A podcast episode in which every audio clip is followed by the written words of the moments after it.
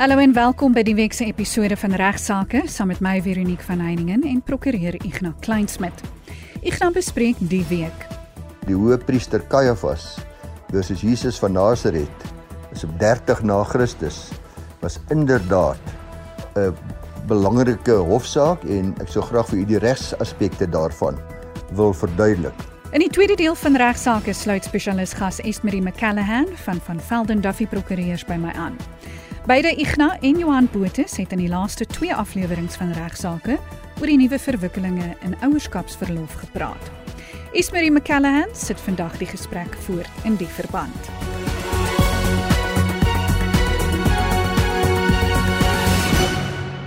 Die week begin ons die program met Igna wat 'n hofsaak bespreek wat hy bestempel as die belangrikste hofsaak in die geskiedenis van die mensdom. Dit is die saak van die hoëpriester Caiaphas en Jesus van Nasaret. Goeiemôre Veronique en goeiemôre luisteraars. Volgende maandag is dit Kersfees en daarom het ek besluit om vandag maar is 'n week voor Kersdag vir u te vertel van wat my betref die belangrikste hofsaak in die geskiedenis van die wêreld. Ek het baie jare gelede dit ook met u gedeel. Ek kan nie onthou hoeveel jaar terug dit mag dalk 10 jaar selfs wees en vir u gesê dat die hoëpriester Caiaphas versus Jesus van Nasaret is op 30 na Christus was inderdaad 'n belangrike hofsaak en ek sou graag vir u die regsaspekte daarvan wil verduidelik. Natuurlik moet u daarop let dat ek beslis nie 'n teoloog is nie en ook nie wil voorgee dat ek een is nie. Ek het sover as moontlik gepoog om na die feite te kyk soos wat dit hoofsaaklik aangeteken is in die vier evangelies, naamlik Matteus, Markus, Lukas en Johannes. Daar is slegs een feit oor hierdie verhoor van Jesus wat vas staan, naamlik dat hy ter dood veroordeel is deur die Romeinse goewerneur van Judea, naamlik Pontius Pilatus.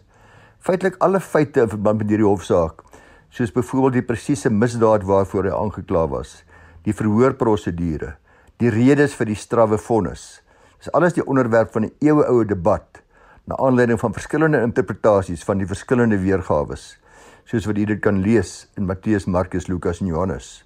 Let daarop dat hierdie evangelies geskryf is slegs dekades na die voorval en daar was letterlik duisende ooggetuies.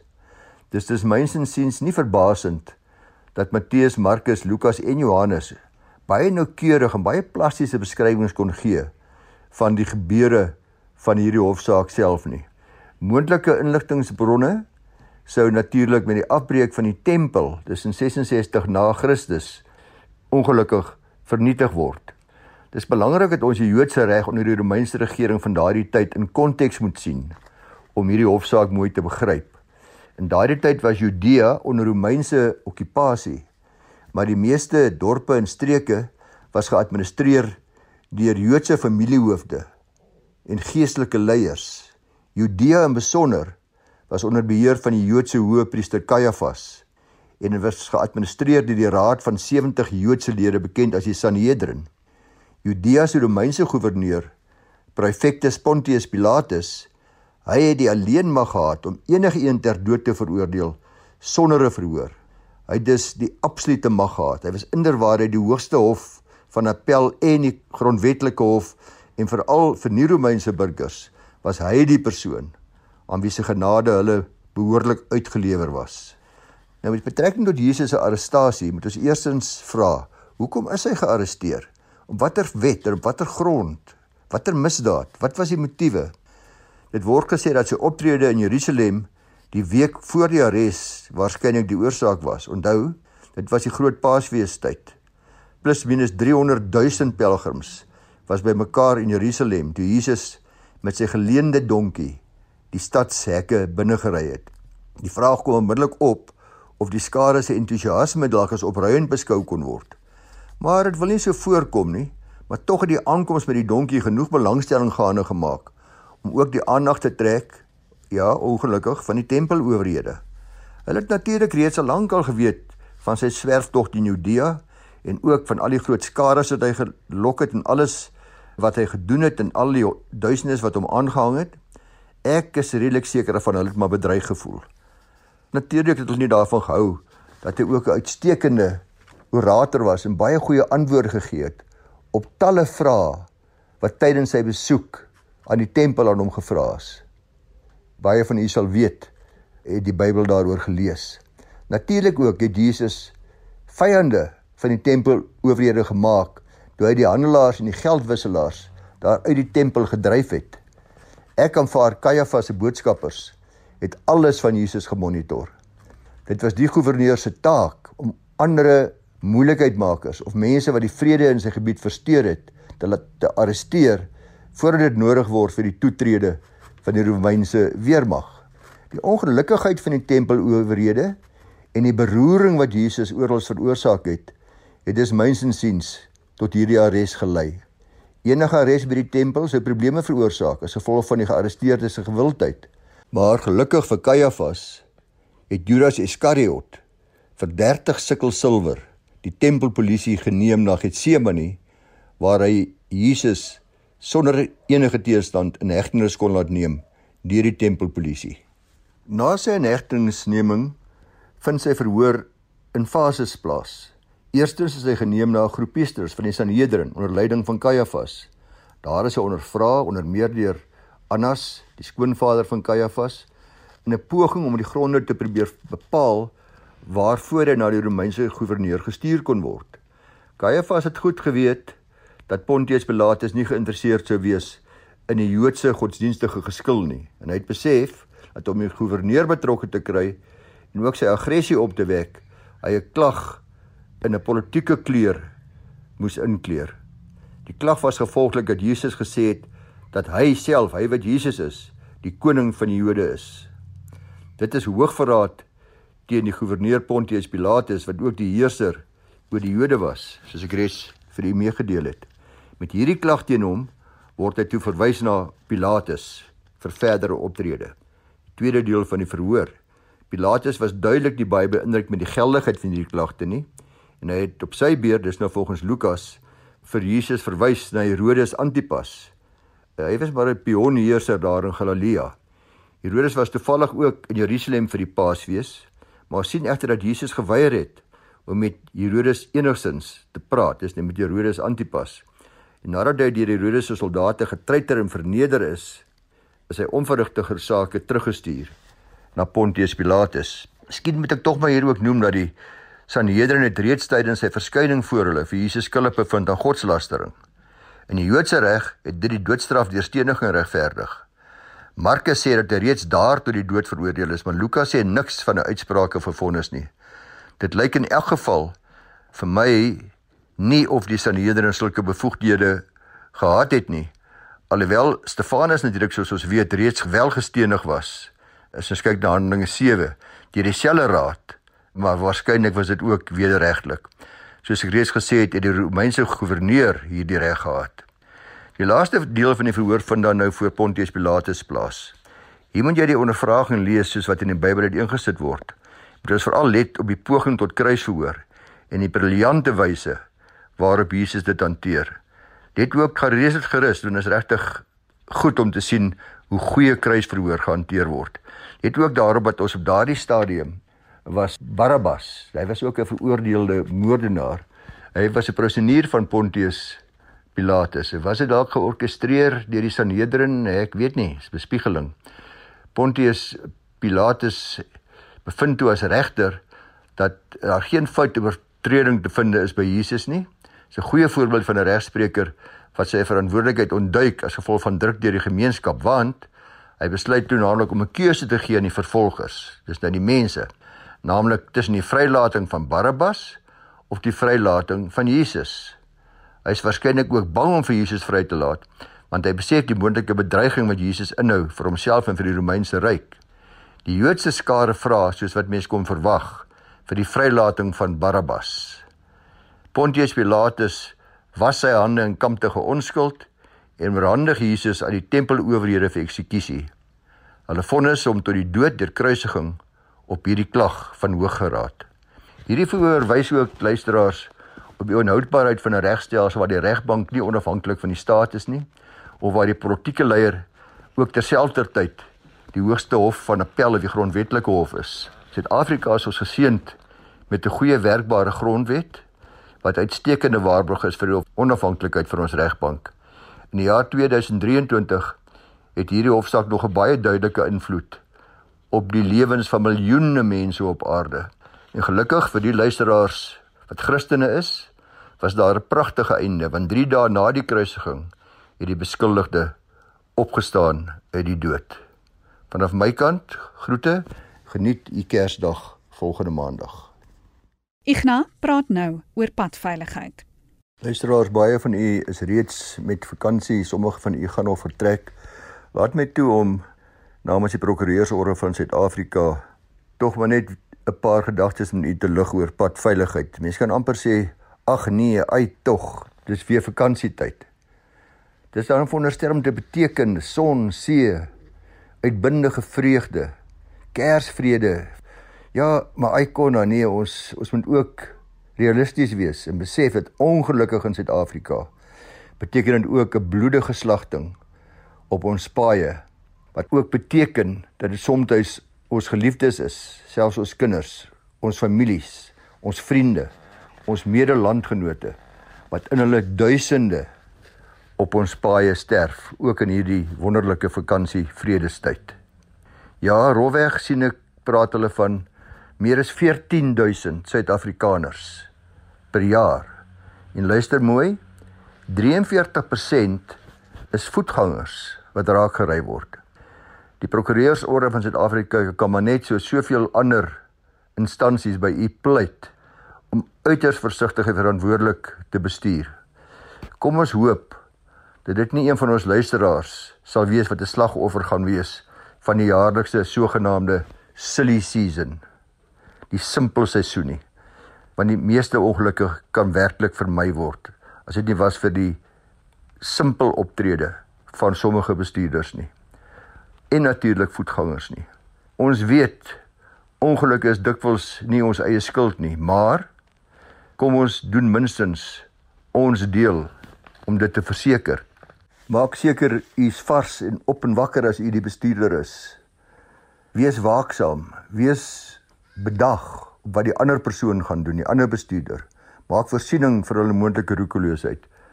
Wees op die uitkyk vir voetgangers, baie keer besope, dikwels geklee in donker klere wat nie maklik raak gesien kan word nie. Kyk uit vir enige moontlike gevaar. Nou wat doen ek as ek wel in so 'n ongeluk kom? Natuurlik ek moet paraat wees. Maak seker jy die regte noodnommers in die paneelkussie. Onder andere die mediese fonds, hulle kan dalk vir u 'n ambulans stuur of selfs 'n helikopter. Die motorfabrikaat se noodnommer, hulle is ook dikwels 'n padbystand naby vir al die nasionale paaie ook u versekeraar as jy 'n versekeraar het, hulle moet immers u sleepmaatskappy as jy voertuig ingesleep moet word eers akkrediteer anders gaan die eis nie geldig wees nie. As jy by die nasionale pad ry, as jy dit betree, sal jy sien daar's oral groot borde op wat noodnommers gee wat jy kan skakel. Daai paaie word gereed deur die persone gepatrolleer en hulle sal altyd daar wees om vinnig vir die hulp te kan gee. Dan kan ek ook vir julle 'n klompie goeie wenke gee van dinge wat 'n mens wel kan doen as mens nou wel in 'n ongeluk beland het. Natuurlik is 'n mens geskok en dikwels gedisoriënteerd, maar dit is tog belangrik om so rustig as moontlik te bly en om te fokus op al die tersaaklike feite met die oog op u versekerings of die moontlike hofsaake wat dalk kan volg. Dit sluit byvoorbeeld in neem die name en adresse en telefoonnommers van die ander bestuurder. Neem die name, adresse, telefoonnommers van alle moontlike ooggetuies. Neem foto's sommer met u selfoon van die posisie van die voertuig. Dit help baie om die punt van botsing in 'n hof te bepaal. Kyk na waar die remmerke is op die paai. Neem foto's waar die glasstukke lê. Dit sal ons help om die punt van botsing te bepaal. Maak notas van die omgewing. Neem foto's van die omgewing. Byvoorbeeld wat s'ie sig om die draai, wat is die posisie van die robotte ensovoorts. Foto's van die voertuie self kan ook baie help om te bepaal presies hoe die botsing plaasgevind het. Byvoorbeeld ook die toestande van die bande, neem dit af as jy dink die teenparty se bande is in is die pad die voertuig dalk onpadwaardig. Byvoorbeeld 'n foto wat wys dat persoon se flikkerlig nie brand nie terwyl sy ander ligte nog aan is of dat u flikkerlig nog steeds brand daar waar die voertuig staan ensovoorts ensovoorts. U kan die eie diskresie gebruik. Moet asseblief net geen erkenning van skuld op die toneel maak nie want weet wel iets geskok en in elk geval moet jy eers behoorlik advies kry om te bepaal wie die werklike oorsaak van die botsing was en as jy versekerings het alle versekeringspolisse verbied dit ten strengste dat u nie mag enige erkenning maak nie. U moet natuurlik ook so gou as moontlik daar statutêre vereistes oor die rapportering van die ongeluk by die Suid-Afrikaanse polisie en dat ek net maar vir u sê moenie ooreenkomste aan nie, moenie sogenaamde deals aangaan met die ander mense nie, met die ander bestuurders nie. Wat sê man moenie bekommerd wees, kom ons los alles net, ek gaan jou betaal of wat ek nogal nie. En eh, dring aan ook as jy dink daar's 'n drank by betrokke, so alkohol betrokke is, dring aan 'n bloedtoetse. Neem besonderhede van enige verkeersbeampte wat weier om aan u versoeke te voldoen. Vir alles dit lyk of hulle dalk die ander bestuurder wil beskerm. Ek hoop dit help vir u so 'n bietjie om veilig by u bestemming aan te kom. Geniet u vakansie en mag u Kersdag baie geseën wees. Groete. Dankie Ignas en in die tweede deel van regsaake verwelkom ek graag weer vir prokureur Estmarie McCallahan van van Velden Duffy Prokureurs in Rustenburg. Estmarie spesialiseer in algemene siviele aangeleenthede en praat vandag verder oor ouerskapverlof. Kom ons hoor wat sê Estmarie hieroor. Goeiemôre Veronique en luisteraars. Vanoggend wil ek met julle gesels oor 'n opwindende nuwe ontwikkeling in ons reg en dit het te doen met ouerskapsverlof. Nou oor die algemeen sal luisteraars weet dat 'n vrou wat geboorte gegee het aan 'n kind gewoonlik gereg is op 4 maande se kraamverlof en so 'n paar jaar terug het die wetgewer ook vir paas 10 dae se betaalde ouerskapsverlof toegestaan. En hierdie verlof word gereguleer deur die Wet op Basiese Diensvoorwaardes. Nou hierdie selfde wet skryf ook voor watse tipe verlof ouers kan kry wat kinders aangeneem het of wat kinders via surrogaatskap verwelkom het. Nou met beide ouers wat kinders aangeneem het of ouers wat 'n baba via surrogaatskap verwelkom het, werk hulle verlof so. Een ouer is geregtig op 10 weke se ouerskapsverlof en die ander ouer is geregtig op 10 dae se ouerskapsverlof en dit is hulle keuse hoe hulle daardie verlof tussen mekaar wil verdeel. Nou Die rede hoekom daar 'n onderskeid is in die lengte van die verlof, tipies tussen die onderskeid is gewoonlik tussen ma's en pa's. Ma's het gewoonlik die langer verlof as wat pa's het. En die rede hiervoor is omdat dit gebaseer is op die tradisionele konsep dat ma's gewoonlik die primêre versorgers van babas is, dat pappas minder betrokke is en dat hulle eerder vinniger teruggaan werk toe. 'n Verdere rede vir die onderskeid tussen vrouens wat self geboorte gee en vrouens wat babas verwelkom het het sy via aanneming of 'n surrogaatskap is dit 'n vrou wat self geboorte gegee het gewoonlik ook ekstra tyd nodig het om fisies te herstel van die geboorteproses. Ons moet egter onthou dat die waardes van die samelewing aanhoudend verander en moderniseer. En een so voorbeeld van modernisering is dat daar in vandag se tyd baie pappas is wat eerder die primêre versorging van daardie jong kinders is en nie noodwendig die mamma nie. Nou presies so 'n situasie het ontstaan in die geval van die van Wyks, meneer en mevrou van Wyk. Meneer van Wyk het vir 'n salaris gewerk en mevrou van Wyk het vir haarself gewerk. En hulle het gesit met die situasie waar as mevrou van Wyk 4 maande se kraamverlof moes vat, het sy 'n groot risiko geloop dat haar besigheid sou ondergaan. Meneer van Wyk kon egter nie langer as 10 dae se ouerskapsverlof kry om na die baba te kyk nie. Hulle wou eerder hê dat meneer van Wyk langer ouerskapsverlof moet vat om die primêre versorger van daardie baba te wees en dat mevrou van Wyk dan eerder vinniger terug gaan werk toe sodat sy die pot aan die kook kan hou by aan haar kant.